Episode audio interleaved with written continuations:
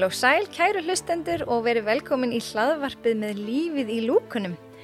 Ég hveti ykkur til þess að fylgja þættinum á Spotify eða Apple Podcast og íta jafnvel á follow, svo ég sletti nú aðeins, því að þá sjáu þið þegar nýr þáttur fyrir loftið. Einning hveti ykkur til þess að fylgja heilsuerla á Instagram. Viðmælendi minn í dag er Haldóra Skúladóttir sem ætlar að fræða okkur um breytingaskeiðið og áhrif þess á heilsu okkar. Verður velkomin Haldóra og takk kærlega fyrir að gefa þér tíma til þess að fræða okkur. Herðu bara, takk fyrir að bjóða mér. Mér finnst alltaf gaman að tala um þetta blessaða skeið get ekki þagnað. Elska nafnið á þessu podcasti. Takk að þið fyrir. Þetta er, hérna, þetta er, svo, þetta er svo satt og rétt. Þetta er það nefnilega. Já, þetta er í okkar höndum sko. Já. Þetta byrjaði sem fyrirlestur hjá mér sem ég hef haldið svona hér og þar og hérna því ég var svona velta fyrir mér hvað hva, hérna nætti að heita þá var ég svona að reyna að benda fólki á leiðir til þess að beita einn helsu og taka ábyrð Akkurat. og þá dætt mér þetta í veist, við erum með lífið í lúkunum. Algjörlega. Algjörlega og þannig breytingaskeiði líka. Já. Það er algjörlega í okkar höndum þanniglega að séð. Akkurat. Þó hormonandi stjórniði náttúrulega, þá þurfum við að dansa með þeim. Mm -hmm. En áður fyrir maður ræðin breytingarskeið, þá langar maður svolítið að spyrja hver, hver er haldara? Fyrst og fremst er ég kannski kona á breytingarskeið, byllandi breytingarskeið, okay. en hérna, en ég er, eh, hvað maður segja, ég er náttúrulega bara móðið, ég á fjögur börn eh, og eigimann og eh, búin að vinna með fólki síðustu bara, eða bara alltaf. Í grunninn er ég sjúkraliði og ég byrjiði að vinna á, á hérna, með hérna á eldrunardeildum bara þegar ég var 17 ára. Og einhvern veginn svona fór út í þá ég hef alltaf einhvern veginn heilastæði að vinna með fólki síðustu svona 25 árin er ég búin að vera að vinna með fólki svona bara andlega og líkamlega og hjálpaði mig mitt að svona rata í gegnum þennan frumskokk mm -hmm. og kannski fyrst og fremst ástæðan fyrir ég fór í þetta í, í það var í rauninni bara svolítið til þess að fyrir sjálfa mig. Já. en svo finnst mér bara gaman að deila og kenna og hérna inspæra fólk með mér. Og þannig að já, síðustu ári er ég búin að vera í því. Ég er búin að læra alls konar, ég er svona sapna diplómum, ef við getum sagt sem svo okay. og hérna markþjálfun, atverðlistþjálfun eh, hérna eh, dáleisla og, og sálmeðferð og þú veist, blanda þessu einhvern veginn öllu saman og svo núna breytingaskeiði Já, frábært og af hverju er þessir mikla ástriða fyrir akkurat breytingaskeiði og þú ert nú að vera svo dögulega að miðla um það. Hvaðan, hvaðan sprótt það? sko, fyrst og fremst þá varði ég bara ógeðslega reið þegar ég fattaði það að ég sem sagt fann sjálfa mig einhvern veginn í þessari ringu breytingaskeiðsins og var alveg búin að tapa áttum og, og bara leið mjög illa andlega sérstaklega. Og ég var svo reið þegar ég komst að því einhvern veginn að það var engin það er engin sem grýpur okkur. Það, hálft mannkinni fyrir gegnum þetta, þetta skeið og mm. þetta ferli. Og þetta er bara eðlilegur hlutur í lífi hverjar einustu konu þó ég heyri oft ég ætla ekki að fara á þetta breytingarskeið þá bara því miður, þá förum við allar í gegnum þetta skeið og einnið annan hátt mm -hmm. og það sem að, að svona tryggaraði þetta hjá mér var bara líka þú veist það er svona þessi réttlætiskend þú veist það er ekkert sem grýpur okkur það er engin fræðsla algjör tabu að tala um þetta og einhvern veginn bara konur eru bara einhvern veginn voru þetta er nú búið breytast helling síðan allavega ég fór að gefa svo gæm en konur voru bara einar í sínu hodni og, og þú veist, einhvern veginn Svona tabú að tala um algjör tabú, þorðið ekki að tala um þetta vissi ekki hvað var að gerast fyrir þær vissi ekki hvert er þetta að leita og bara einhvern veginn voru einar að þjást. Og mér bara fannst það, ég hugsaði sko ég á fjóru dætur og ég hugsaði bara, nei. Mamma, ég hugsaði mömmu og ömmu og tengdamömmu og ég hugsaði bara nei, nei, nei, nú verður eitthvað að breytast mm -hmm. og það gerist ekki nema einhver tali og ég fór bara að tala um þetta og þessi, og, og kafa onni þetta í leiðinni aðalega til að hjálpa mér fyrst og fremst en, um, og þá komst ég bara að svo mörgu sem gerði mig svo pyrra að reyða og, og þá svo, það er svo mikil miskilningu búin að vera í gangi og, og einmitt þetta, þetta er búið að vera bara svolítið þagað um þetta En fyrir þá sem vita lítið eða ekkert, hvað er breytingarskeið? Hver er skilgreiningin? Já, sko, þetta er, þetta er rosa góð spurning. Við erum, um, við notum alltaf orðið breytingarskeið. eh, sem er yfirleitt á ennsku talað um menopause, menopause. Uh, en í rauninni er þetta ferli og þetta eru sagt, breytingar á hormónum það er það sem þetta ferli er og það byrjar miklu fyrir heldur en nokkuð grunar en tengingin sem við fáum oft upp í hausinu, við erum ekki, hefum ekki verið að pæla í þessu, allavega var hjá mér að þegar ég hugsaði um breytingaskeið það hugsaði bara það er fyrir einhverjar eldri gellingar, ekki mig. Skilur þú veist 50 plus um, hita og svita kost, pyrringur og þú verður hætt á blæðingum. Það er einhvern veginn svona eina sem kom upp í hugan og leðild að segja en það hefur svolítið verið líka skilgreiningin með að segja hjá mörgum læknum og kvennsjúkdómalæknum mm. sem að þá meina ég kannski það að þú ert þegar marga konur fá að heyra að þú ert of ung eða þú ert ennþá á blæðingum þú ert ekki með hitt og svitaköst þá ert ekki konar breytingaskeiði mm. en það er mjög fjarið sannleikanum að því að það sem er verið að miða oft við er svo kallu tíðalók eða tíðakverf og það er bara eitt móment í þessu ferli, það er í rauninni bara eitt sólaringur. Það er mómentið sem markar tólmániði frá síðustu blæðingum. Það er tíðar... Það er tíðalokk.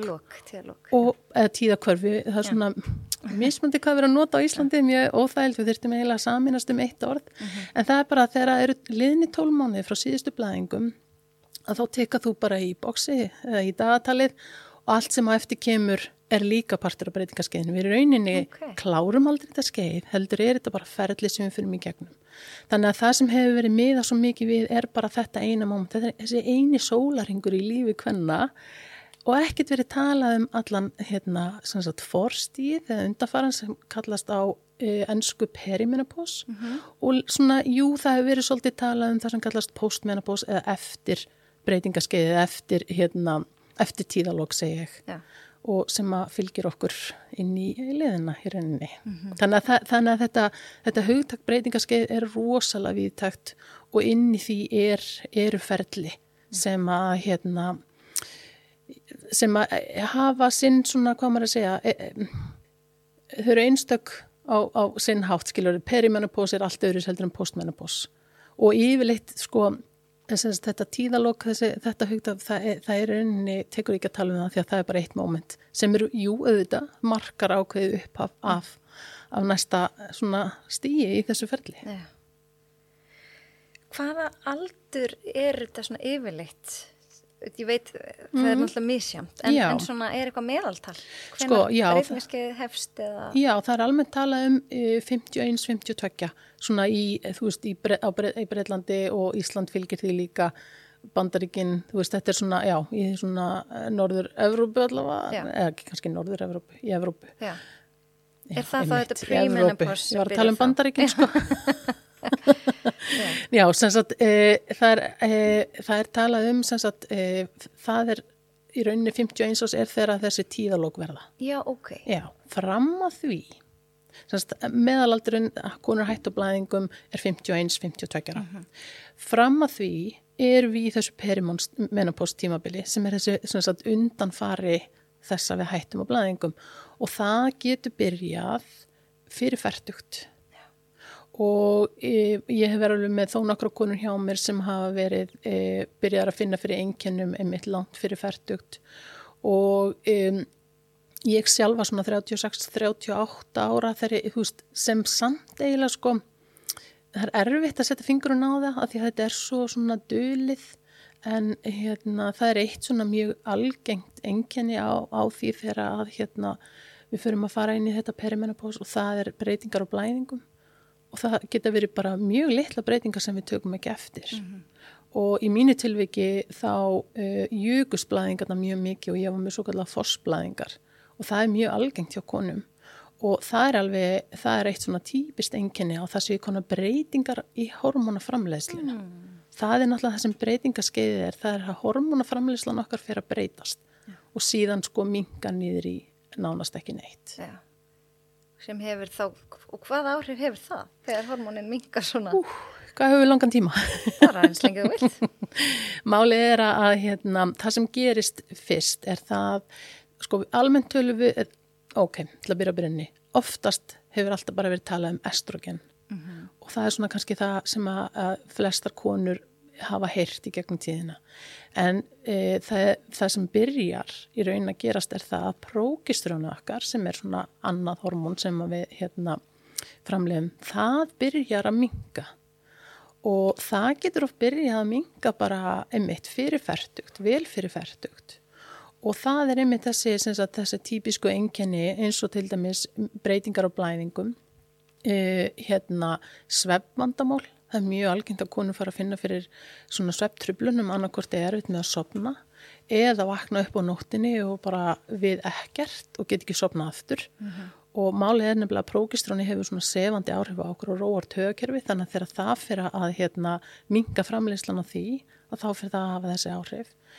Fyrir tíðaspenna verður oft svona svæsnari e, þegar prókistróni fyrir að minga prókistróni til dæmis hérna, bara til dæmis að hérna svona hérna höfverkir tengt blæðingum svona fyrir og meðan e, pyrringur og einmitt aukin nætursviti í kringum blæðingar.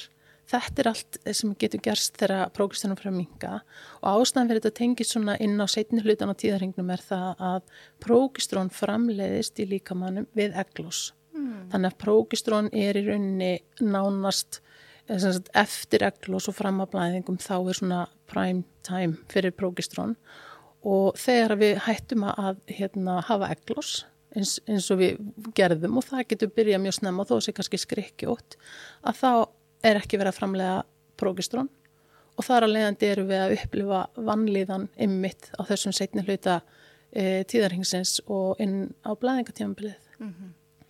Þannig að þetta er ekkit stanslaus enginni heldur tengist tíðarhingnum? Það getur gert það í byrjun mm. og ymmit og síðan er annað hormón sem að ymmit hefur nú yfirleitt verið e, helgað kallmönnum en það er testosterón og ég mani mitt þegar ég bara aukvitaði það ég vissi ekki að við framleitum testosterón fyrir bara fyrir nokkur mm -hmm. bara þegar ég fór að gramsa í þessu og hvað þá að við framleitum þrjusesinu meira magn af testosteróni okkar frjósumis árum heldur en estrogenni í alvöru? í alvöru, samt er alltaf að vera að tala um bara þetta estrogen kvennhormónin. Já, einmitt, og kallmenninir er á testosteroni þannig að hérna, og það getur byrjað að dala bara upp á 35 mm. og hérna e, getur farið að hafa áhrif inn í líf kvenna og hérna og kannski þau áhrif sem að konu finn oft fyrir er bara og það sem að testosteron er kannski mest tengt við er kynlöngun. Mm -hmm.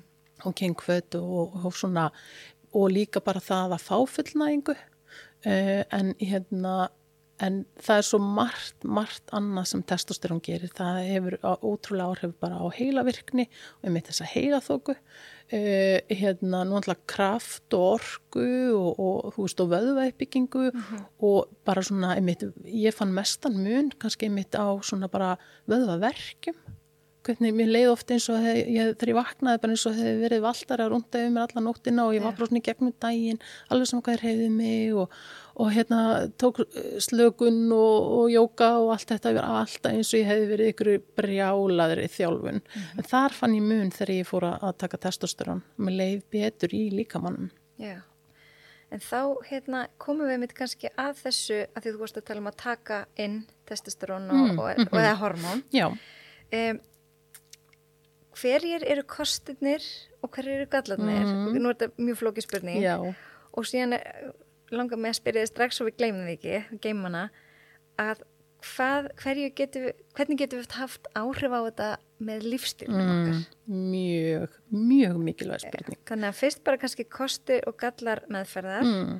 og svo á eftir hvað getum við gert, gert. með lífstílum okkar til þess að hafa jákári? Já, sko um, umræðan um hormóna uppbútar meðferð og það sem þetta er svona kallað í dag að við erum að bæta upp okkar framleyslu sem við erum ekki lengur að e, gera mm -hmm. hefur verið sko á mjög miklu villigutum frá því um aldamótin 2000, upp úr 2000 þá kom, e, var mjög stór rannsókn sem að svona, svona komar að segja hluti af henni fór í umræðu og í svolítið fjölmiðla fár Eh, síðan þá er búið að rekja mjög margt af því sem að fóri í, í umræðina pluss það að það er búið að kafa dýbrónn í, í niðurstöðunar og, og svona e, og það var bara alls konar miskilingur í gangi sem einhvern veginn bara fór að stað og festist.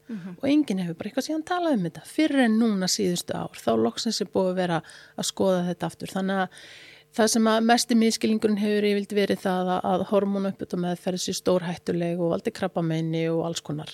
Þannig að hérna, það er ágætt að það er svona aðeins búið að leiðrætta þann kurs, Hún, það er ekki málið Okay. heldur einmitt margt í lífstilnum okkar sem að, að getur frekar valdi krabbamenni þó að síðan kannski eh, hormónu uppbyttu meðferð geti haft áhrif ef að það er eitthvað sem er komið í gang.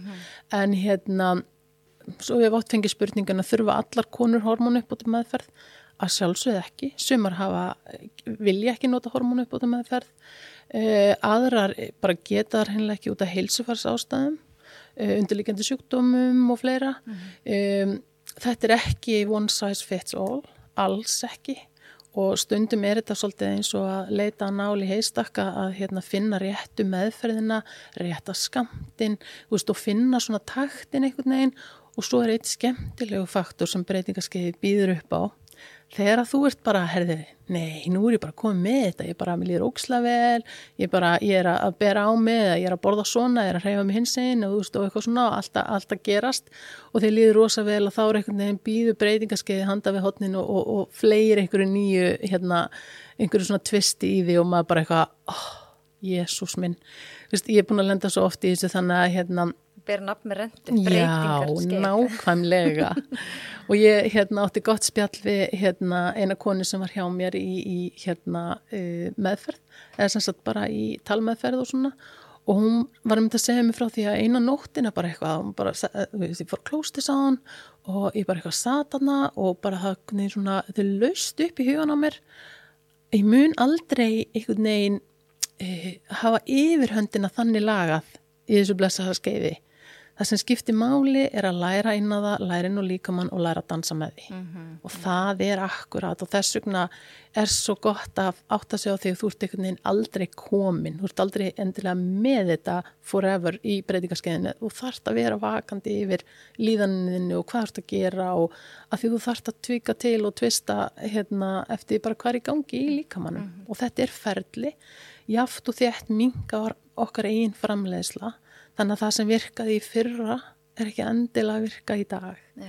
Þannig að þess vegna er hormónu uppbóta meðferð, hún er náttúrulega ekki að líka beint eftir okkar eigin framleiðslu, þannig að séð, en við erum svona komin svo næst í sem að, að hérna, eins og við vorum að framleiða hormónin, auðvitað er líkaminn þegar við framleiðum til líkamannum, þá er hann að monitora alveg bara hver einstu mínútu hvað er að gerast. Já. Meðan að við er, þegar við erum að gera þetta sjálf, að þá erum við bara Úst, við erum að byrja á okkur á mótnana eða, eða þú veist, taka lifin okkar skiljið hormónu upp út um Já, meðferðina. ég hef hýrt að þetta er gel sem að bera á sig og töflur. Já, sko, það er tvennskonar og þetta er mjög mikilvægt að, hérna, að vita þetta. E, það eru svo kallar e, tilbúnir hormónar sem eru þá þessir í, í töfluformi sem hafa verið svona algengasta meðferðarformi hinga til sem að e, allavega þeir sérfræðingar sem ég er að fylgja erlendis eru algjörlega hættir að nota Nú, ok. Já, af því að þetta eru þessi tilbúinu hormón. Bara á rannsóknarstofu. Þannig, Já, þetta er, og, það, og ef maður skoða mólekjúlin og hvernig uppbyggingin er, þá er hún svona næstum því eins og okkar eigin. Og það er þetta næstum því sem er kannski ekki alveg nógu gott. Og það er ekki það að þessi líf séu hræðileg. En þetta er hægt að vera, þarna, semst, erlendis er þetta hægt að vera svona fyrsta.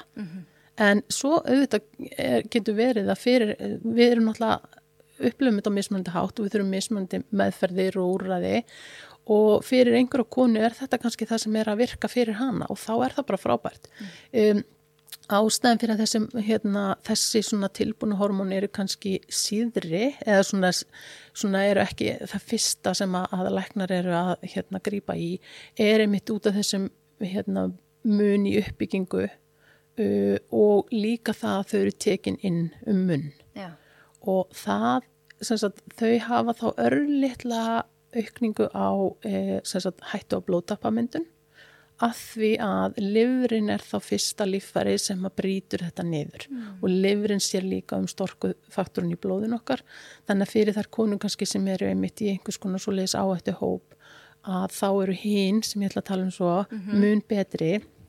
En hérna en svo er líka gott að skoða það því að mér finnst mjög áhugavert þegar ég halda fyrirlestra á námskeið að láta konur rétt upp hendi eh, hverjar hafa til dæmis verið á getnavarnabilinni og það er náttúrulega stór meiri hluti hvenna sem er rétt upp hendi. Það er hormónaintökaðum munn. Það er hormónaintökaðum munn og engin blikkar auga, það eru miklu sterkari hormón og það er allt tilbúin hormón og það eru þekktar alls konar aukaverkanar og allt þetta en þú veist, skilir þannig að hérna það er svo áhugavert svo allt inn í koma breytingaskeiði þar sem við erum að taka hormón að því að við erum ekki að fungara lengur í lífinu hittir til þess að vera ekki ólétt mm -hmm. og þú veist frábært að við veist, höfum aðgang að því en svo komum við inn á þetta tímabili þess að maður lífið okkar fyrir bara í rúst og þá allt í náttúrulega ekki að gera neitt en við erum kannski búin að vera að taka í 20 ár getnavarnapillu já, já. skiluru já. þannig að hérna en allavega þessi tilbúni hormón eru hérna tekin inn með töfluformi og það sem hefur sínt sig er það fyrsta lagi á það er þessi örlittla aukning á, á blóðtapa hérna myndun. E, síðan er oft eins og e, það slá, slái ekki eins á enkenni hjá konum. E, síðan er annað það er svona þessar aukaverkani sem að fylgir oft þessum tilbúnum hormónum. Og það er eins og til dæmis bara andli vanlíðan það eru bólur og það eru hérna þingdaraukning og það er hérna e, verkir og þú veist það er svona allt þetta sem við erum að reyna að losna við mm -hmm. einhvern veginn. Aukaverkan, það er kannski söm og einnkjörni já, já, svolítið. Þannig að hérna marga konur finna bót af því að skipta yfir í hinflokkin sem að kallast body identical. Og nafnið það er komið frá því að það mólekjólin eða uppbyggingin í þessum hormónum sem eru bæði veginun úr plöntum um, er eins og okkar eigin mm. hormón. Uppbyggingin er svo sama, auðvitað er þetta náttúrulega ekki það sama en þetta kemst næst því að vera mm. það sem að, að við framleiðum og það er að leiðandi er oft, eru oft þessu aukaverkanir farnar út en eins og ég segi, við erum alla mismunandi og við upplifum þetta alltaf mismunandi hátt og það er mismunandi hvað henda hverja veitni og þessi tilbúinu hormónu er ekki allslæm, skilir þau. Þannig að, að, að þessi lifir þannig að þú ert annarkvort að bera á því gél eða nota forðaplástur. Ok, hvað er á líkamann, skiptir það mjög? Um, sko, það, það er almennt talað um að bera á það sem að húðin er ekkit allt og þykk, skilir þau, þannig að ég til dæmis, ég nota gelið og ég ber það á mig á innanverð læri og ef ég þarf auka pumpu að þá er ég að setja hana svona á hérna, upphandlegina og, hérna, og eins með plásturinn það er þá kannski hérna, neðalega á kvið eða á, hérna, ofalega á raskinina mjöðminna en það er svolítið áhugavert, ég hef myndið að lesa rannsóknum daginn að það er þetta frásokk þarna erum við komin í að við erum að frásóa lifi upp í gegnum húð og það getur verið svo mismunandi eftir bara húðkvenna e, hérna bara hvað er að gerast í líkamannum í rauninni. Yeah. þannig að þarna getur þurft að breyta um staði e, til dæmis eins og með plásturinn. Það er alveg sem að konu sem eiga pínu erfitt með að frásöga e, sagt, upp að bara þessum eina stað og þá kannski mitt er hægt að breyta um hvar maður lími plásturinn á sig. Mm. og munurinn á kannski eins og gelinu og plásturinnum það er mitt bara mjög mismunandi hvað konur fýla og það er náttúrulega að plásturinn er að gefa okkur sagt, seitingu á, á hormónunum estrogeni, þetta er sem sagt estrogeni eða estradíól sem er að koma úr þessu bæði gelun og plásturunum gefa okkur seitingu allan sólarhingin meðan að gelið við byrjum það á okkur kannski á mótnana og svo svona dvínar það smátt og smátt. Mm -hmm, okay. þannig að hérna þannig að sagt, það er það er sem sagt þetta er svona aðalmunun á þessum tilbúinu hormónum og þessum svo kallu body identical hormónum. Þau eru yfirleitt að fara betur í konur og það er til dæmis eins og það að bera á sig eh, estrogen eða hafa þeir plástri að þá eru við algjörlega að sneiða fram hjá livrinni þá er hún ekki fyrsti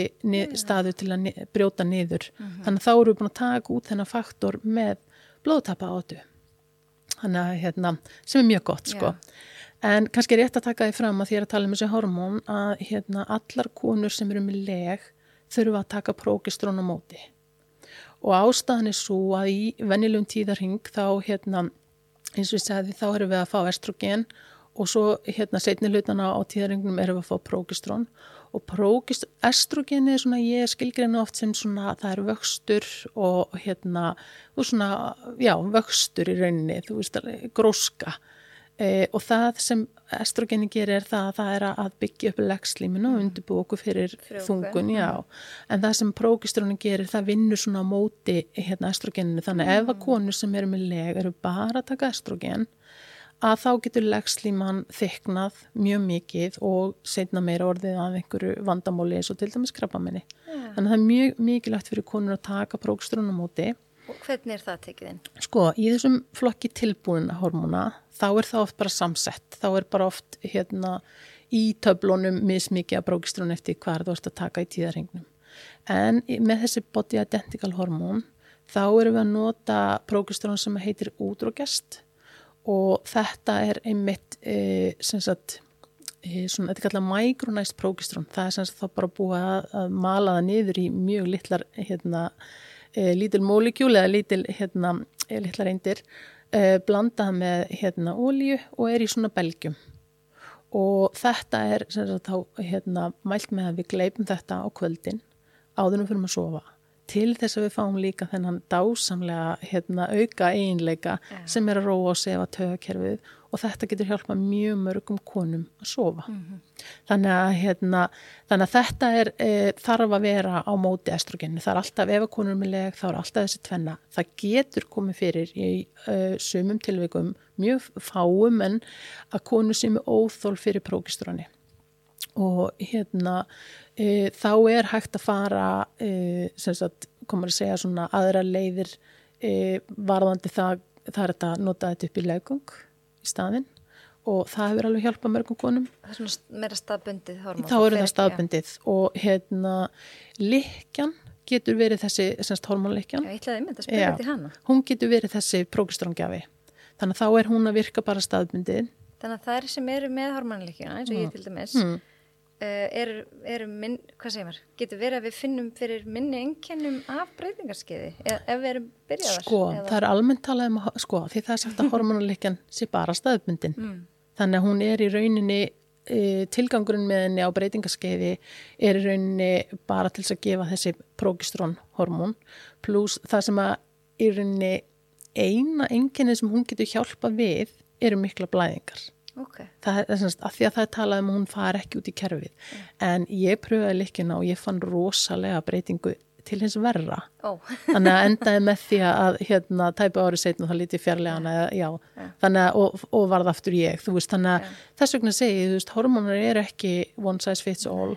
Og það sem kannski þarf að hafa í huga er að ef þú ert með hormónalikki hún um, hún dögar ekki eins jafn mörg ár sem prókistrón gjafi fyrir breytingaskeiði. Þannig að bara eins og maður getur notað hana í lengur sem getnaðverðn í rauninni.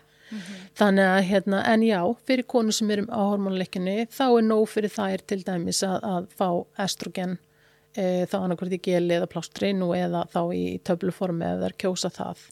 E, og hérna já, Mér finnst einmitt svo áhugavert að ég, nú er ég orðin 43 ára og það er eiginlega ekki bara fyrir henni fyrra að ég fyrir eitthvað að sko, hugsa um breytingaskeiða því að eins og þú varst að tala um, í mínum huga var ég með Já. þessa mynd, þetta væri bara einhver gömul kona en að gæsalappa sem væri hætt á blæðingum. Já. og það væri eitthvað breytingaskeið mm en svo á ég svo mikið af eldri vinkonum og mjög margar í kringum 50 og nálgast 50 já, og þegar ég var eitthvað að segja eitthvað þá var bara þetta er kannski bara breytingaskeið og og ég velta bara, ha, nei, ég er svo ung og, en eh, þannig, að mér finnst ég aldrei hafa verið á breytingaskeiðinu fyrir en ég var í fjallgöngu með einni og, og hérna og ég segi bara ég get ekki lengur haldið í mér. Bara ef ég þarf að pissa þá bara þarf ég bara að standa kjur bara annars pissa ég bara á mig. Og hún bara hmm, mhm, þetta er og þá var ég bara enn og aftur var stungið upp og þetta er kannski breytingaskeið en að ég vil líka ekki að allir sé að skella skuld á breytingaskeiði með hvaða sem er að. Þannig ég hunsa þetta alltaf bara einhvern veginn.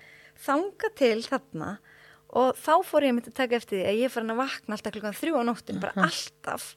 En ég reyndi að sopna aftur en minnst Já. þetta bara merkilt ég Já. gerði þetta aldrei, Aldrei, nú bara allt í einu vakna til að pissa eða bara vakna og kannski á smá, smá tíma að einmitt þannig ég hugsa, ok, kannski er ég bara að byrja Já, og þetta er alveg, þú veist, hérna, mér langar einmitt að tala svolítið um þetta bara svona fyrst og myndist á þetta, þetta með breytingu einmitt á kringum þess að varandi þvagfærakerfi. Mm. Þetta er eitthvað sem ég fann fyrir einmitt líka bara einmitt á sama aldri og þú, þú.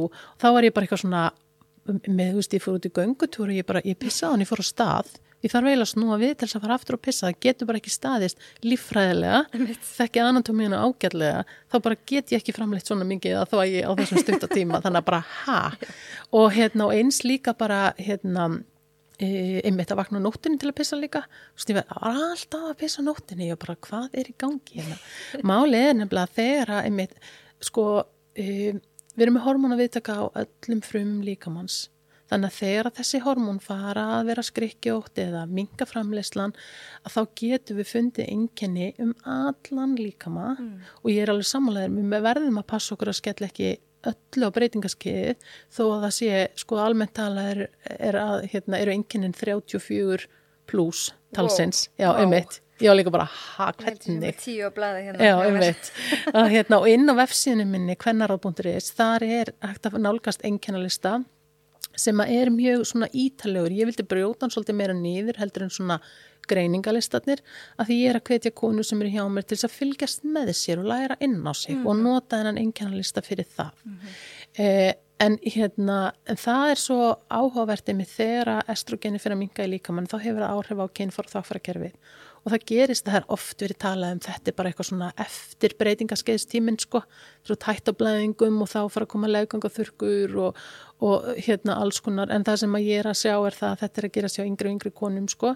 Bæðið sem sagt varandi það að um, hefur estrogen hefur áhrif á bara frumu uh, svona þekifrumunar í þagblöðurinni í þvagrásinni, í vöðunum hann í kring og allt þetta sko.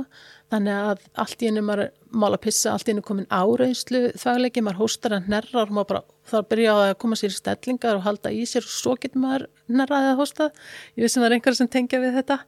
Og hérna og einmitt þessi tíðu þvaglát og, og hérna annars en konur eru upplega líka er e, tíðu blöðrubólka allt í hennu farið að fá þvagfara síkingar blöðrubólgu enginni ánsýkingar líka mm -hmm. og alveg sama hvað er úða í sig af síklarliðum, það er einhvern veginn ekkert sem virkar og þetta bara kemur aftur og aftur eitthvað sem hefur aldrei verið áður mm.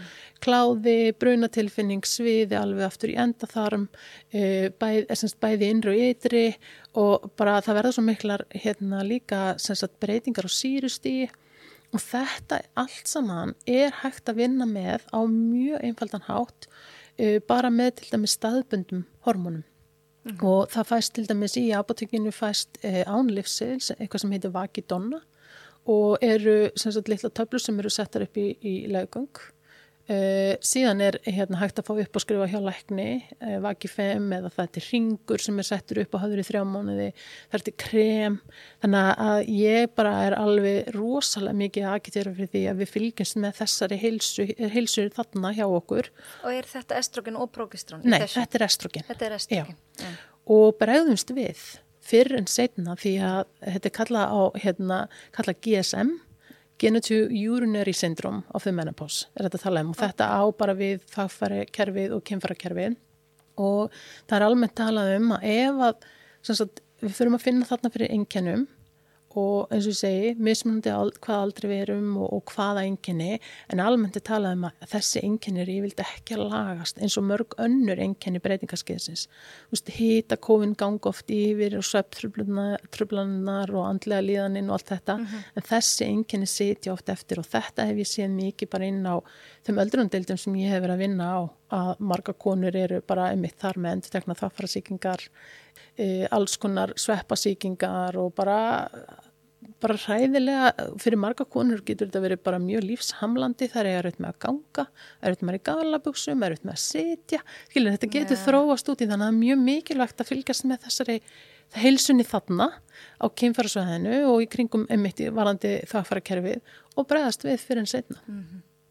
Ég verði myndið að hlæði því að ég er orðin svona meistari að pissa út í skógi. ég er búin að vera að hlaupa, það kom ekki náttúruleipum og ég var ekki svona. Ég gæti pissa árið fór stað, pissaði ég kom heim en nú maður kannski pissa tviss ára leðinni. þetta, er já, þetta, er, fáránlegt og það sem maður kannski að því að við gerum talað um þetta, þá kemur þetta manni svo óvart og maður mhm. bara, ha, hvað, hvernig? En þess vegna er mitt, þú veist, bara það að vita þessu og það þýðir ekki að því að orðinu breytingaskeið fylgir rosalega léleg ímynd. Og ég hugsaði oft um að við verum að finna eitthvað nýtt orð. Svo ég segi bara nei, við verum bara að breyta merkingu þessa orðs. Og það að þú sért, þú veist, rúmlega ferdu farin að finna hérna fyrir einkennu frá þakkfarakerinu það er, sko, þetta er ekki game over. Skilur þau, þú veist, þetta er bara þetta er bara, líka menn er bara stöðut að breytast og það er svo mikilvægt að vita að þetta er bara eðli þróun og mikilvægt að vita hvað getur gert, mm -hmm. hvernig getur bröðust við þannig að þetta fari ekki að valda vandamáli og, og íþingjaðir og, og, og allt ja. það sko. Og það er ástæðan fyrir ég fekk þig í þáttin er einfallega bara að fáfræði mín um breytingaskeiðið eins og okkar allra flesta Já, þá áttaði ég mynd á því hvað eru örgulega margir í mínu mm -hmm. sporum og mhm. líka karlmenn einmennir og makarnir og þú veist, sem að þannig að þeir já. skilja líka aðeins hvað Það er, er rosalega mikilvægt sko og ég hérna, hef alveg, það er komið smá pressa á mig að búa til fræðslu fyrirlustur fyrir kallmenn, mm -hmm. eða svona eiginmenn eða, eða maka, þetta að skilja skiptir svo rosalega miklu máli og það er mjög algengt að, að hérna, hjónaskilnaði verði á þessu tímabili. Og það sem komið mest óvart en samt ekki núna þegar ég er á þessum stað var að konurnar í 67% tilvæg voru konurnar sem að vildi skilnað og ég held að það fylgir þessu bara svona að maður er svo búin að fá nóga öllu já, mælun er bara fullur já.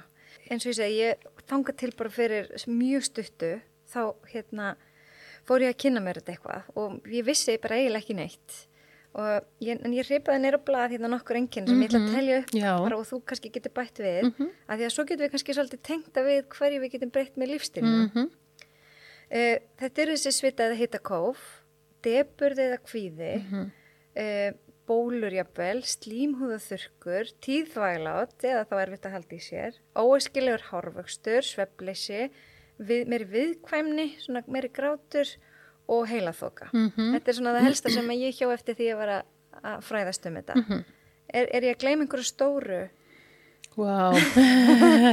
sko, 34 en gerir svolítið mikið. Já, það er nefnilega svo áhugavert sko, hvað er stort og hvað ekki skilur þú veist, fyrir mér fyrir, sko mitt stærsta og erfiðasta einkenni sem að mitt komið mest ávart var eh, kvíði mm -hmm. og andlið deburð ég, hérna, jú, ég hafði hýrt um að konur eru pyrraðar og veist allt það, svo hvernig tegum maður ekki eftir sjálfum sér sko, en ég var bara komin í fósturstællingu af kvíða og þunglindi sem er svo ólíkt mér. Ég er búin að vinna með þetta hugafar hérna, og hjálpa fólki með að greiða úr huga, hugarflækinni mm í hérna, yfir 20 ár og alltaf að gera að sjálfur mér og svo allt í hennu bara virkaði ekki neitt. Og hérna og ég hef alltaf verið hérna, mjög svona, maður að segja, hugsa fram og við, þannig að vera að vera í fortíðinni, lausna meðuð og allt þetta. Þannig að þetta var, kom mér ofbóðslega óvart og þessum tímapunkti þá byggum við hjónin tvö í Þískalandi, e, töluðum ekki í tungumálið, hérna, við byggum í Breitlandi með þrema fjórun dætrum okkar, við fluttum að heimann yfir til Þískalands í romantíkina, Móseldalinn og svona, að fara að njóta loksins eftir ég veit ekki, 20 og einhver ár af badnauppeldi og þá dættu konun og breytingarskeiði skilur þannig að þetta var ekkert romantist við þetta. Ekki neitt. En hérna, en ég var bara svona allt í hennu bara var ég komin á þennan stað að ég bara með leiði óbúslega illa andlega og ég skildi ekki hvað var að gerast.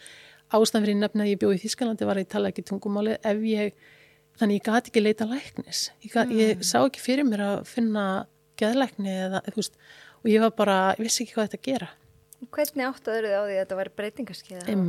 Það er nefnilega því líka lukkan að því að ég er að vinna með fólk í dálislu og sálumöðferð og þá er ég alltaf að höra fyrirlestra og um, bara líka mann og ég, ég er algjör grúskara guðsnáð sko. en þarna var ég að horfa fyrirlestur um heila og hérna kona sem heitir Lisa Mosconi og er hérna alls konar læknir, ég veit ekki eins og hún er hérna nuclear eh, scientist og bara hérna, rannsakar sagt, heila kvenna, sérstaklega með tilliti til Alzheimer's og hún var bara að lýsa því sem gerist í, í hérna, heilastöðunum okkar þegar hormonin minga og hún var bara að tala um mig mm. og ég bara, ég manni, ég, ég elska það að hjóla eh, á sagt, hjólinu mínu inni og vera að horfa og hlusta á fyrirlestra og ég manni bara, ég stoppaði og bara stegi á hjólinu og svola tilbaka og ég var bara, ha? Ljósa pera. Er þetta að segja mig það að breytingaskeiði geti komið út í andleri vanlíðan.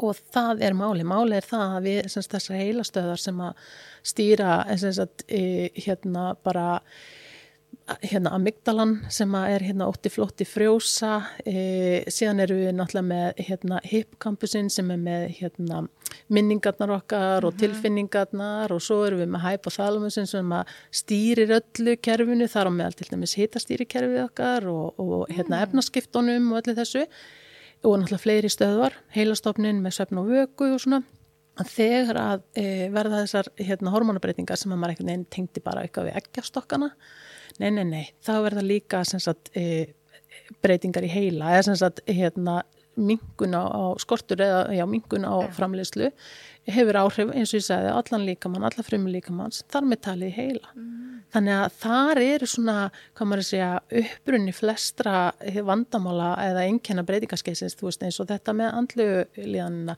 með heilaþókuna. Það er eitthvað sem margir rángreindir með þunglindi mjög algengt að konur séu já, og settar á allt í hennu ef, ef að konu hefur ekki sög, fyrir sögu um, um andleg hérna, vandamál eða sem sagt vanlíðan og allt í hennu byrjar þetta að gerast þarna upp undir færtugt og þá eru konur mjög algengt að þessu settar á hérna kvíðuðhunglindslif sem eru ekki rétta meðferðin ef að ástæðan eru hormonabreitingar og þá er ég ekki að tala um það að þau liv séu eigi ekki rétt á sig skilur en e, sagt, almennt séð er, eru kvíða og þunglinslif þessi SSRI liv mm. ekki að virka á e, andlega vanlíðan sem er hormonatengt e, en hérna núna eru komin í sérstaklega greiningalistar sem að, hérna kalla menody, menopause mm. depression til þess að greina hvort að þunglindið þitt sé að veldum hormona heldur en sko einhvers annars og hérna, þannig að fyrir mig var þetta stæsta enginni, það var þessi andlega vanlíðan. Og þetta var svona kveikjan að ég bara svona fór að skoða þetta. Og, og ég er, þú veist, mér leið svo illa andlega. Og ég var einmitt, ég sveiflaðist frá því að vera í fóstuðstællingunni bara, hérna, í myrkuðu húsi þegar maður minn kom heim og vinnu. Og yfir í það að sko öskur gráta og hérna, og þú veist, og bara og einmitt svona, og svo var ég eins og unglingur skellandi hurðum þess að milli og ég bara hvað er að? Þannig að breytingarskeiði við erum búin að þess staðfest að það getur haft svona gífurlega áhrif á helsuna okkar Já. en hvað getum við gert mm -hmm. með okkar mhm. lífstíl til þess að hafa jákvæð áhrif já. á breytingarskeiði, getið orðað þannig? Já, já, algjörlega að því að ég segi, þetta eru óhjákvæmilar hormonabreitingar mm -hmm. sem við förum í gegnum uh, og við, þetta er í okkar höndum uh, að því leitinu til að, að hérna bæði að læra þekkja okkar líðan og líkama og finna leiðir til þess að hjálpa okkur að ná aftur svona einhvers konar jafnvægi mm. og hérna e, ég alltaf á mínum fyrirlesturum, jú, ég tala mjög mikið um hormonameðferð, hormonauppbyttumeðferð aðalega út af því að það var búið að forda mann svo mikið og það á ekki rétt að sér. Hormonameðferð getur gagnast flest öllum konum, auðvitað eru alltaf einhver frávik og þá þarf alltaf að taka hérna, ávinning og áhættu og, og heilsufarsögu konunar til greina. Mm -hmm. um, en hvort sem við notum hormonameðferð eða ekki, þá eru mikilvægustu aðriðin það er lífstílinn okkar. Þú getur verið hormonu uppbúta meðferð og ekki verið að sinna lífstílinninum og það, þú veist, jú þarf að hjálpa þér með líðanina en við erum að tala um framtíðarhilsu yeah. það er það sem ég hef alltaf haft augastað á. Og kannski ástæðan fyrir því að ég svona í mann þegar ég fór að skoða hormónuppöldum meðferð eins og ég segi, þú veist hérna, sagan segir að þetta sé það hræðilegsta sem getur nokkuð tíma snert sko, yeah. og ég fór að skoða þetta nánar og, og hérna og komst að því að það er alls ekki þannig. Þetta getur hjálpað okkur með framtíðar heilsuna, þetta getur hjálpað okkur að verjast beinþyningu sem er mjög bara dýrkeft bæði fyrir einstaklingin og samfélagið mm -hmm. og getur leitt fólk til dauða sem að fólk gerir sér ekki grein fyrir. E, hérna e, og það er kannski svona það sem var uppalega verið að pæla svolítið í, það var beinþynningin þegar var verið að fara í hormonumæðferð sem sagt hérna á árum áður. Mm. þetta getur hjálpað okkur með hjarta og aðeinsugtuma það er svo áhugavert að fram að breytingaskeiðinu þá eru tíðin í hjartasjúkdama hjá konum miklu miklu lagra en hjá kallmennum eftir breytingarskeið, eftir tíðalók þá tökum við svo rætt fram úr kallmennum og það er bara skeri sko. þannig að hérna Áhugavert. og svo er, er svona debatið og það er verið að rannsaka mjög mikið núna hver eru tengslinn á hormonaskorti e, við e, hérna heilabilun og hérna hvernig, hvort að hormón upp, uppbúta meðfyrir geti haft e, hjálp, verið hjálpleg þar og af hverjum þreymur sem fá hérna Alzheimer's þá eru tvær konur og þetta hef ég séðin á þeim Alzheimer deilsum sem ég hef verið að vinna á. Það er algjörlega hérna bara blasir við manni hlutföllin. Já. þannig að hérna þannig að, og, þannig að þetta getur hjálpa okkur með svo mikið í framtíðar hilsun okkar en lífstílin er alltaf númir 1, Já. 2 og 3 Og er það þá bara góður svefn og Já, sko náttúrulega, já, ég skipti þessu upp í nokkar flokka, þú veist, það er annars vegar sem sagt hormónu uppbúta meðferð, síðan er það hérna hvað við setjum ofan í okkur og það er svolítið svona gullbrá, það er svona ekki á mikið, ekki á lítið, þú veist, það er svolítið þar og líka með reyfinguna, þar, hérna, þar þurfum við svolítið að finna jafnvæðin okkar. En ef ég tala um svona það sem er almennt talið er að sagt, við þurfum að passa blóðsökustjórnun, það er það mikilvægast að við séum ekki að fara í blóðsökurs toppa og, og þar að leiðandi auka insulínframleyslu. það, hefur líka sínt sér að það hefur áhrif á Alzheimer, líkur að fóra. Alzheimer. því það er oft talað um, um hérna, e, hérna síkusíki 2 sem bara hérna Alzheimer típu Sikursíki þrjú. Sykus, Ekki já, sem Alzheimer sem síkusíki 3 já. þannig að það er þessi tenging á milli. Þannig að, hérna, þannig að það er almennt talað um við þólum yfirleitt minna af kolvetnum svona, þú veist, á þessum hérna, tímabili, þó það séu náttúrulega auðvitað mismunandi og þá er ég ekki að tala um það að allir alls ekki konur er að fara að keto. Það er yfirleitt ekki besta lausnin fyrir Nei. konur á breytingaskeiði. Hins vegar þurfum við að vanda hvaða kolvetni borðum og vera þá meira í þessum flóknu kolvetnum heldur en þessum einföldu. Uh, föstur það er líka að tala um að það sé ekki gott fyrir konur á þessum hérna skeiði því að það sem við erum að gera e, við getum verið að skapa of mikið álag á líkamann og það koma einmitt, já, streitu, og það kemur líka inn í reyfinguna, þar, þar, þar er yfirleitt talað um e, svona langvarandi kardióreyfingar ekki það besta fyrir okkur e, hins vegar ættu að vera í stuttum og snörpum og að lifta þungt það er algjörlega nummer 1, 2, 3 upp á og svona, svona plyometrics æfingar, ég veit ekki eins og íslenska Sprengikraftar. sprengikraftsæfingar það, er það eru svo góða fyrir okkur upp á beinþynninguna Einmitt. Þetta er svo frábært að heyra því að mér finnst allt og marga konur hrættar við að styrkja sig. Einmitt. bara, en, en sko bæði er það gott fyrir beinþýninguna og þá bara fyrir hormonabúskapin. hormonabúskapin, úst, hérna vöðauppbygginguna sem einmitt hjálpar okkur með hormonabúskapin Mhm. eh, hérna, og líka bara hérna, sjálfsmyndina og, og hérna, því að ef að mér líður aldrei eins illa eins og þegar ég hef ekki verið að lifta eitthvað tíma, þá líður mér eins og ég sé svona blob og það hefur ekkert með einhverju kíló á tölu að gera, ég vikta mikið einu sinni. Þetta hefur með líkamsstöðuna og líkamsbeitinguna og svona einmitt, mér finnst ég vera stinnar og sterkari skiluru, þannig að hérna og þá kemur sagt, þetta það er hvað við setjum hún í okkur, hvernig við reyfum okkur uh, síðan er það streitustjórnun. Það er, myndi ég segja eitt bara af mikilværa atriðanum, máli er að uh, hormonakerfið okkar Gaman að þessu, hlaut að koma að þessu. Já, já, ég tala bara herra.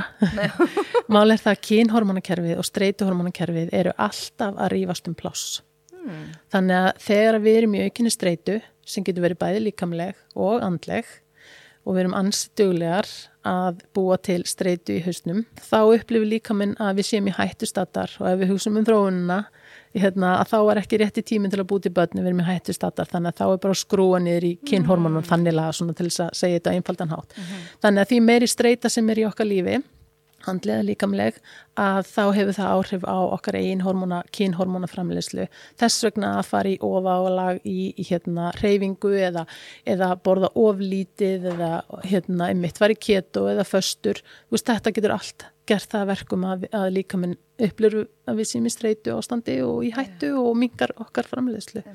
Hefur með taugakerfi að gera það ekki? jú, þannig að, hérna, þannig að eins og ég segi, þetta er svolítið svona gullbrá, gullbrá og hérna, maður þarf að finna rétta, ekki mikið, ekki á lítið. Já. og hérna, þannig að streitustjórnum nummer 1, 2 og 3, svefn eða kvíld, það þarf ekki endilega alltaf að vera svefn, jú, auðvitað, hann er ofsalega mikilvægur og allt það, en stundum verður við hérna stressaðar mitt fyrir mig streitu ástanda því að við erum svo hættar að geta ekki sofið nóg og allt þetta. Og það er að gera ótrúlega margt til dæmis bara með dálislu, sjálfsdálislu og hugleðslu og, og hérna ná kerfinu niður, það má taka kvíld, það má taka fimm mínútur, það má taka tíu mínútur hér, hér og þar yfir daginn e, hérna, og svo það sem ég kannski legg mest, mest áherslu á í bara mínu starfi með konum sem er að koma til minn í svona breytingaskeiðs markþjálun að það er að læra náttúrulega að þekka þessi streitu enkenni og hvaða er sem veldur og hvernig við getum unni með það og hvað við erum að hugsa, hvað erum við að segja við okkur sjálfar. Þar, þar búum við til streituna í hausnum. Mm -hmm. Þegar maður er að dæma sig og rífa sig niður og, og með svona hörmungarhyggju sem vil verða svolítið á breytingaskeiðina því að það vantar mannstu hormón í, í heila stöðarna sem hjálpa okkur að hérna e, díla við hérna, lífi og tilvöruna mm -hmm. að þá fyrir við í svona hörmungarhyggju og það verður allt hræðilegt og agalegt og allt mun fara á versta veg og einhvern veginn og við mögnum þetta upp í hausnum þannig að ná tökum á þessu hugarfari skiptir ótrúlega miklu máli og einmitt þetta gefa sér leifi e, hérna, til þess að einmitt kvíla sig e, leti hefur fengið rosalega neikvæðanstempil en hvað er leti?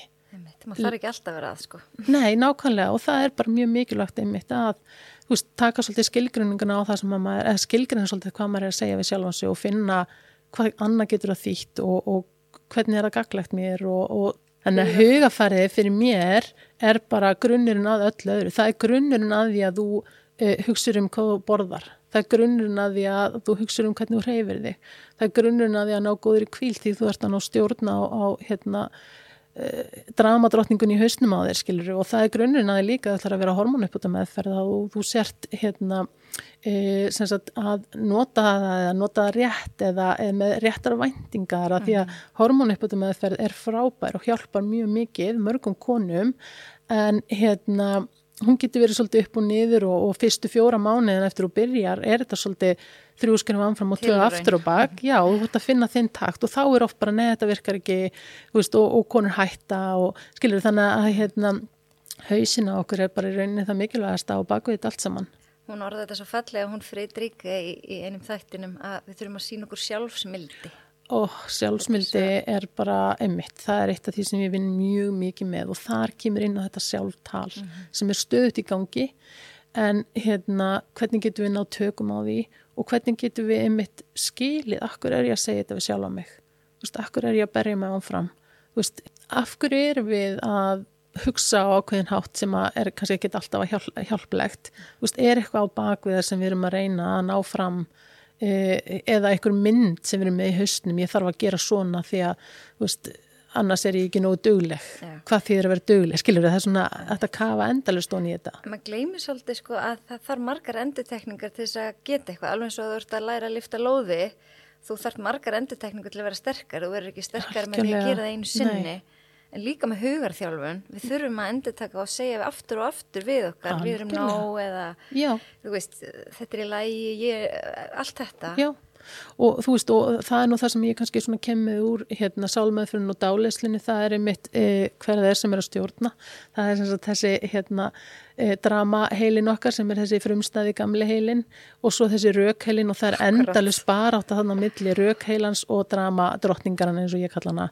Og það er það sem ég kannski svolítið hjálpa konum að gera, það er að læra að temja þessa dramadrottningunni og hérna og líka síðan ekki þegar að maður, af því að það er alltaf þegar, ekki ef. Þegar að maður einmitt keiri sér í kaf eða segir á mikið af jái við, veist, alls konar verkefnum eða maður, veist, úðar í sig eitthvað sem maður ætlaði ekki úð í sig eða nennir ekki að hreyfa sig, eða veist, bara whatever bara, við eigum öll okkar svona dántíma það er mig, þá kemur þessi sjálfsmildi inn í. Mm.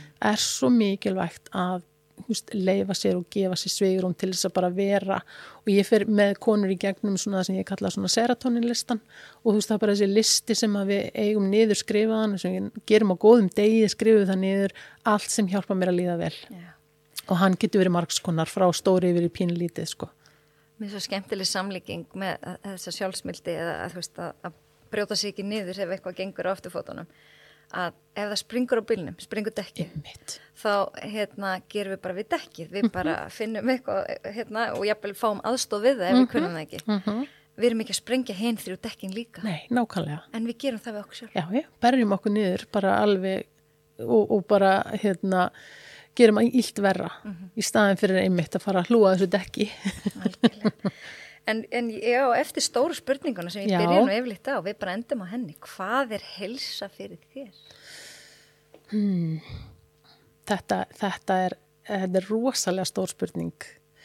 Um, Fyrir mér er heilsa bæði líkamlega og andleg og, hérna, og ég myndi kannski, kannski að því að ég vinn á því sviði myndi ég segja bara það að ef við hérna, erum með andlega góða heilsu, ef við einmitt erum að hlúa að andlega þættinum okkar þá oft er auðveldur að hlúa að líkamlega þættinum.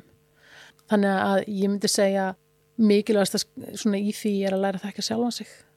Og það þýðir að maður þarf að vera vakandi, maður þarf að skoða hvað er að gerast í hvernig líður mér í dag. Og ég er mitt eh, tala oft um það við konuna mínar að, að, hérna, að meðan maður byrsta tennitur á mótnana það er rosalega góður svona check-in punktur við erum ekki að gera neitt annað. Við erum hann í eina-tver mínútur bara starrandi í speilin og hérna bustum tenninar og þá er rosalega gott að spyrja bara hvernig líður mér?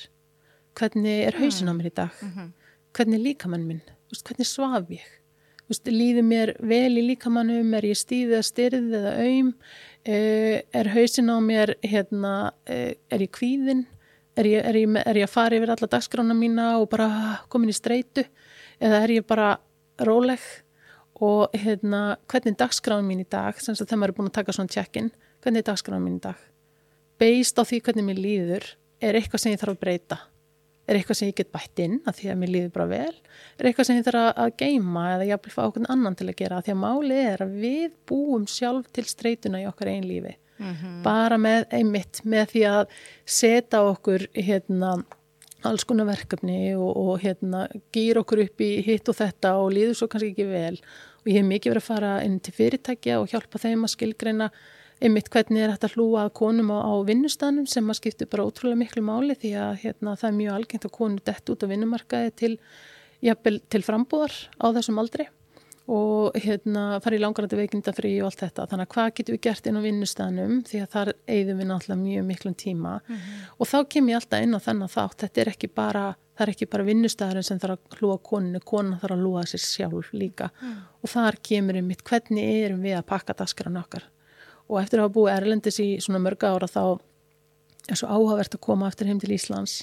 Og ég var svo mikil, einmitt mikið að pæli að fara ekki, eða sko að hugsa svo ég var svo meðvitið um að ég ætla ekki að fara inn í þetta ástand aftur sem ég var í en það, maður sógast inn í þetta. Það er bara að vera allt og gera allt og eiga allt og fara allt og, og ég hef rætti við goða vinkunum mitt varandi sömarið hvað alltaf að vera æðislegt og, og þú veist það var hérna ferðast þarna á þessa bæjarháti og, og farið þessa fjallgöngu og fjöruferðin á þetta og líka til tenni og þú veist ú, þetta er rosalegt. Þannig að hérna, þannig að við erum ofta að setja þessa pressu á okkur sjálf bara með því að svo pass ekki upp á að svoast inn í þessa ringiðu mm -hmm. og hérna og svo náttúrulega horfum við á þetta samfélagsmiðlum sem er náttúrulega alls ekki rétt að hérna leiðin til þess að sjá hvað er í gangi í lífi fólks en förum einhvern veginn að spila spila með í rauninni sko mm -hmm. þannig að hérna ég, já, allir, til þess að fara aftur í spurningunum þeina allir sé ekki þessi hérna jafnvægi andlega og líkamlega og hvað það er fyrir hvern og einn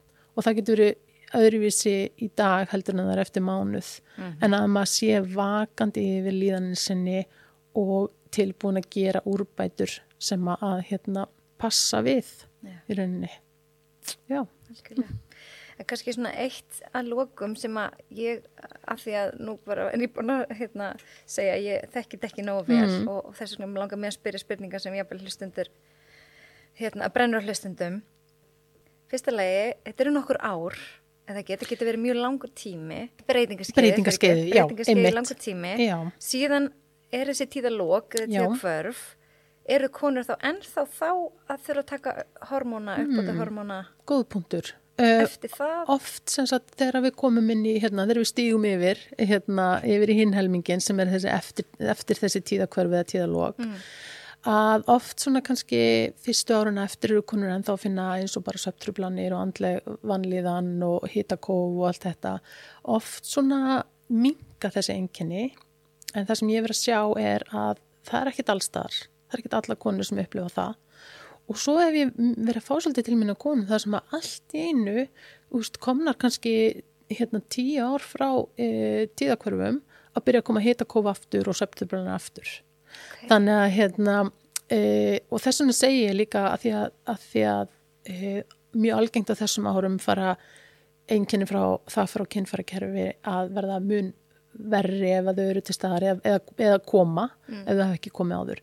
E, þannig að við erum að díla við breytingaskeiðið, þetta fylgir okkur það sem eftir er og þess vegna er svo mikilvægt strax að fara að huga að eins og bara hjá yngri konum undir færtugu að fara að huga að til dæmis streytustjórnun e, finna hvað er að gerast í líkamannum ekki halda ánfram bara í veist, samu hérna líkamsæðingunum eða brjálaðinu sem hefur kannski verið í sem að veldur þér streytu í hausnum og líkamannum.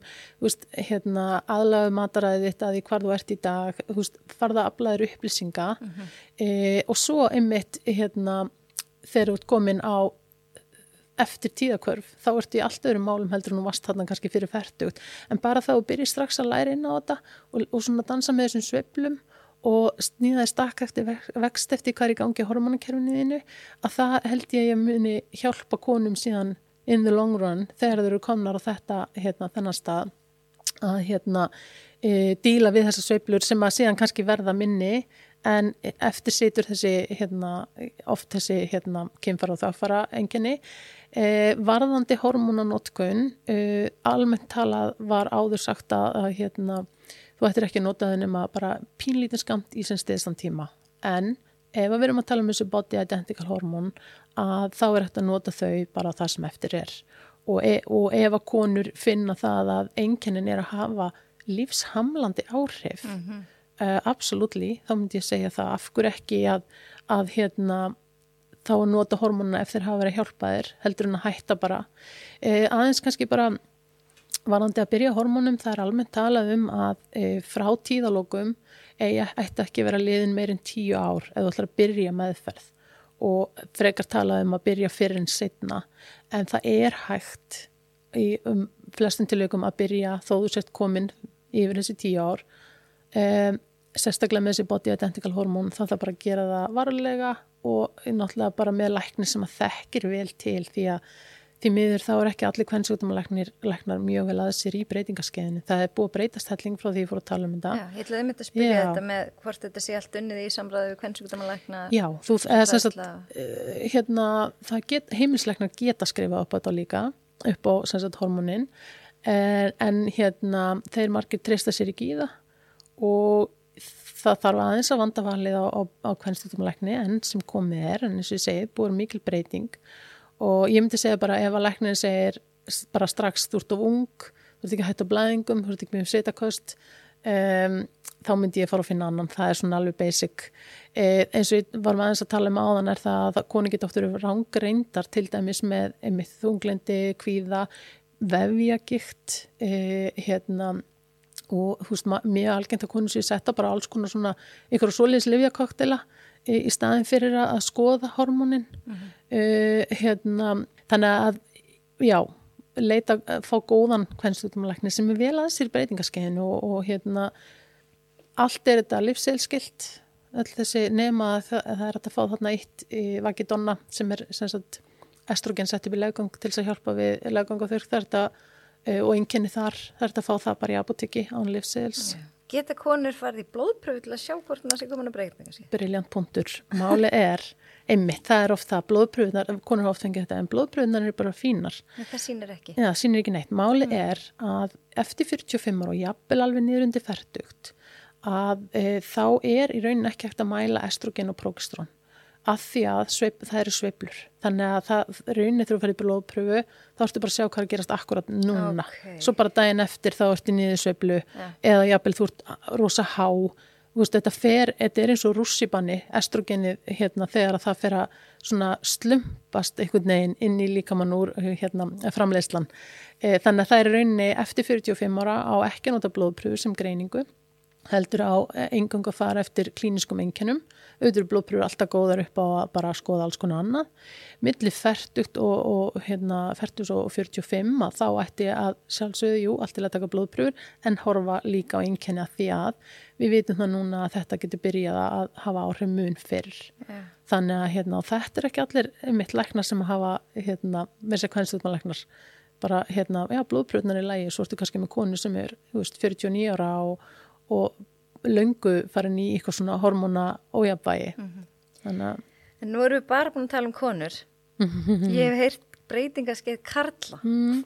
Er það til og hvað er það? Ég hef ekki, ekki skoðað mikið Nei. en hérna eh, eigandi kallmann, eh, kallmann, eigandi, já, eitt kallmann, nei, eigandi maka sem að hérna er náttúrulega komin yfir 50 að þá er ég náttúrulega aðeins skoða það og það sem að ég myndi segja, þú veist, það er eh, þeirra hormón um, sem er þá aðalega testosterónið, uh, það getur hérna byrjað að dala, byrjar oft setna að, að svona minka heldur en hjá okkur.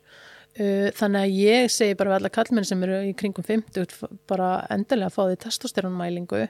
Og hérna ég fann það hjá mínum manni að, að það hafi ótrúlega áhrif á svona bara virkni e, veist, allt í henni var hann bara búin að skipta um ljósaperu skiluru á þess að ég var búin að byggja um það í þrjámanni skiluru þannig að hérna það var rosa munur Já. en hérna þannig að þeir fara vissulega líka á, á breytingaskeið og það voru alls konar náttúrulega líkanlega breytingar og andlega breytingar Já. sem að hafa áhrif þó það sé öðruvísin okkar og hérna eins og, eins og við talum sko við byrjum oftast að finna fyrir þessu miklu fyrir heldur en, heldur en þeir sko. Ég heyrði einhvers það svolítið skemmtilega samlíkingu að við byrjum öll eins, kallar sem bara, já. þú sérð valla mun upp í nýjára ástundum Mhm. á, á líkama stelpuða stráks Aha. og svo endur við eins, eða þú veist, sagði einhver, að því að Nákvæmlega þeir fara að fá brjóst. Við fyrum að fá hérna hára og, og höguna þannig að hérna einmitt, veist, það, þetta, er, þetta er mjög áhugavert. Og, og hérna, og að skapið þeirra verður mýgra að því að testustrónu Já. mingar þegar verður ekki eins svona. Já, þeir eru oft, oft talað um að þeir eru betri afar heldur en pappar eða svona mýgri afar heldur en mýgri pappar sko.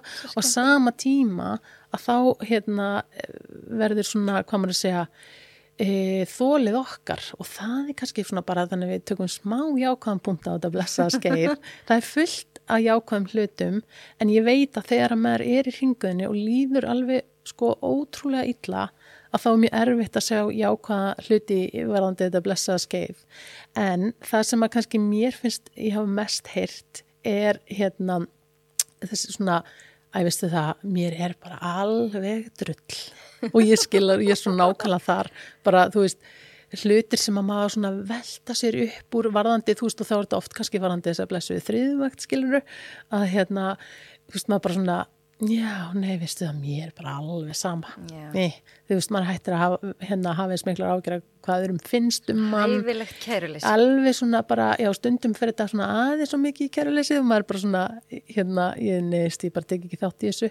Og maður fer svona að setja sjálfans í fyrsta sæti og skoða svolítið bara dagskrána til dæmis út frá sjálfum sér og ég vil segja nei á og til eða oftar. Þú veist, þannig að mér finnst þetta jákvæmt maður þetta verður eitthvað svona valdefling sem hins vegar náttúrulega þegar við erum að díla við þessa þessi einkenni þá oft náttúrulega finnum við ekki þessa valdeflingu. En þegar við náum tökum á bara hérna lífstílinum okkar og hugafarinu og notum þá jafnvel hormonu upp út af meðferð ef við viljum til þess að ná ykkur í jafnvægi að þá oft einhvern veginn ég upplýði svona bara ég var, ég var miklu svona einhvern veginn ákveðnari og sterkari og, og hérna þó, svona þórin í að segja nei og, hérna, og setja mín mörg frábært. út frá mér. Er Akkur lærum við þetta ekki fyrr? Það er það sem ég mitt eins og ég talaði mjög uppæði mér var svo það svo, ég var svo reið og pyrruð að, að þegar ég vissi það að það bara þú veist, það, það er ekki verið að fræða okkur neitt um þetta. Og þess vegna er ég ofta að reyna að ná til yngri kvenna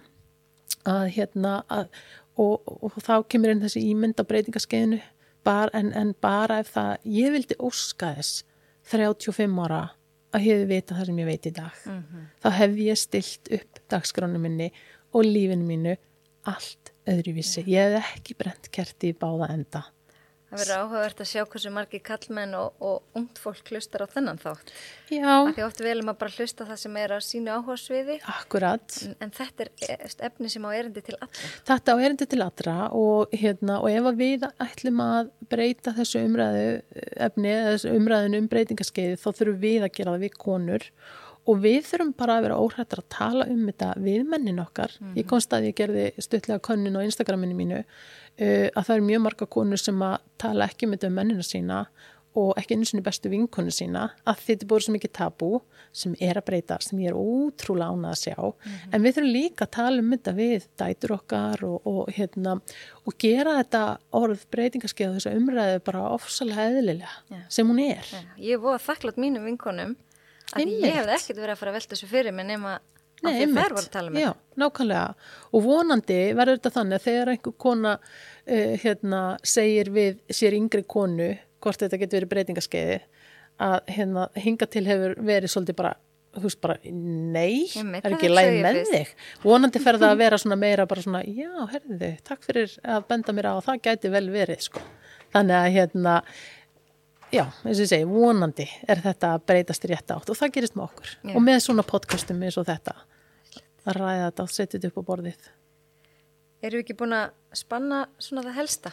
Er eitthvað sem að þú manst eftir að vegum eftir að koma svona á framfæri sem skiptir miklu máli? Mm, Nei, kannski bara árétta það að, að, að hvort sem að konu nota hormona upp út af meðferð eða ekki að hérna þú þarft að vinna í sjálfriður sorry, en það er bara þannig það er staðreind, þú þarft að finna út hvað er að virka fyrir þig núna og þú þarf kannski að endur skoða það í, í vetur og næsta sumarskiluru að hérna og þar kemur inn á þetta að missi ekki móðin og hérna byrja á því kannski að vinna svolítið í höstnum af því að þar, þar, er, þar er uppspretta svo margara vandamála sem að við hérna eins og þessara streitu og, og ímyndirannir okkar og, og hérna og þóri það mjög algengt á konur og breytingarskeiði verði allt í henni litlar í sér uh, hérna, félagsfærni mingar uh, þarf að hefði bara vera heima hætta að þóra og alls konar. Mjög algengt að konur og breytingarskeiði uh, hætta að þóra að keira Eld, konur sem eru kannski komnar í mitt þú veist, í kringu 60 og, þú veist, og það er í kring sko. Bara, þannig að hérna það er alltaf til dæmis testosterun það er hérna þór hormónið okkar. Og það er þá minga og... það er þá bara að minka og, og hérna auðvitað náttúrulega bara hérna e, viðbrögð og, og hérna sjálfsmyndin og sjálftalið og þú veist, það er svolítið mikið rægt að ná tökum á þessu sjálftali og hérna dramadrottningunni í hausnum. Því þá er maður svolítið ef maður getur það, þá er maður eiginlega allir vegir færir, myndi ég segja. En Þetta er ekki bara geggjur lokaður. Jú, ég held það Æðislegt, takk kærlega fyrir að fræða mig og vonandi ótal aðra um breytingaskeiðið. Og hérna þeir sem að e, vilja fylgjast með þér það er þá inn á kvennaráð.is Já, og og Insta, eða sem sagt ég er með kvennaráð.is vefsíðu og svo er ég bæði á Instagram og Facebook undir kvennaráð.is og það er svona mest sem fer fram e, hérna í story á Instagram sem að skilja sig jú líka inn á Facebook. En svo er ég að reyna að koma öllum þessum pislum mínum inn á, á kvennaráð.is líka. Inn á sí- vefsíðuna og það er hægt að hafa samband í gegnum, gegnum það, þann, þess að þá síðu Já, frábært. Þannig að ef einhver er hérna allt í einu kveiki, kveiki einhverju ljósaperum eins og ég er nýbúin að gera þá vitið hvert þið getið leitað. Takk kærlega fyrir. Takk fyrir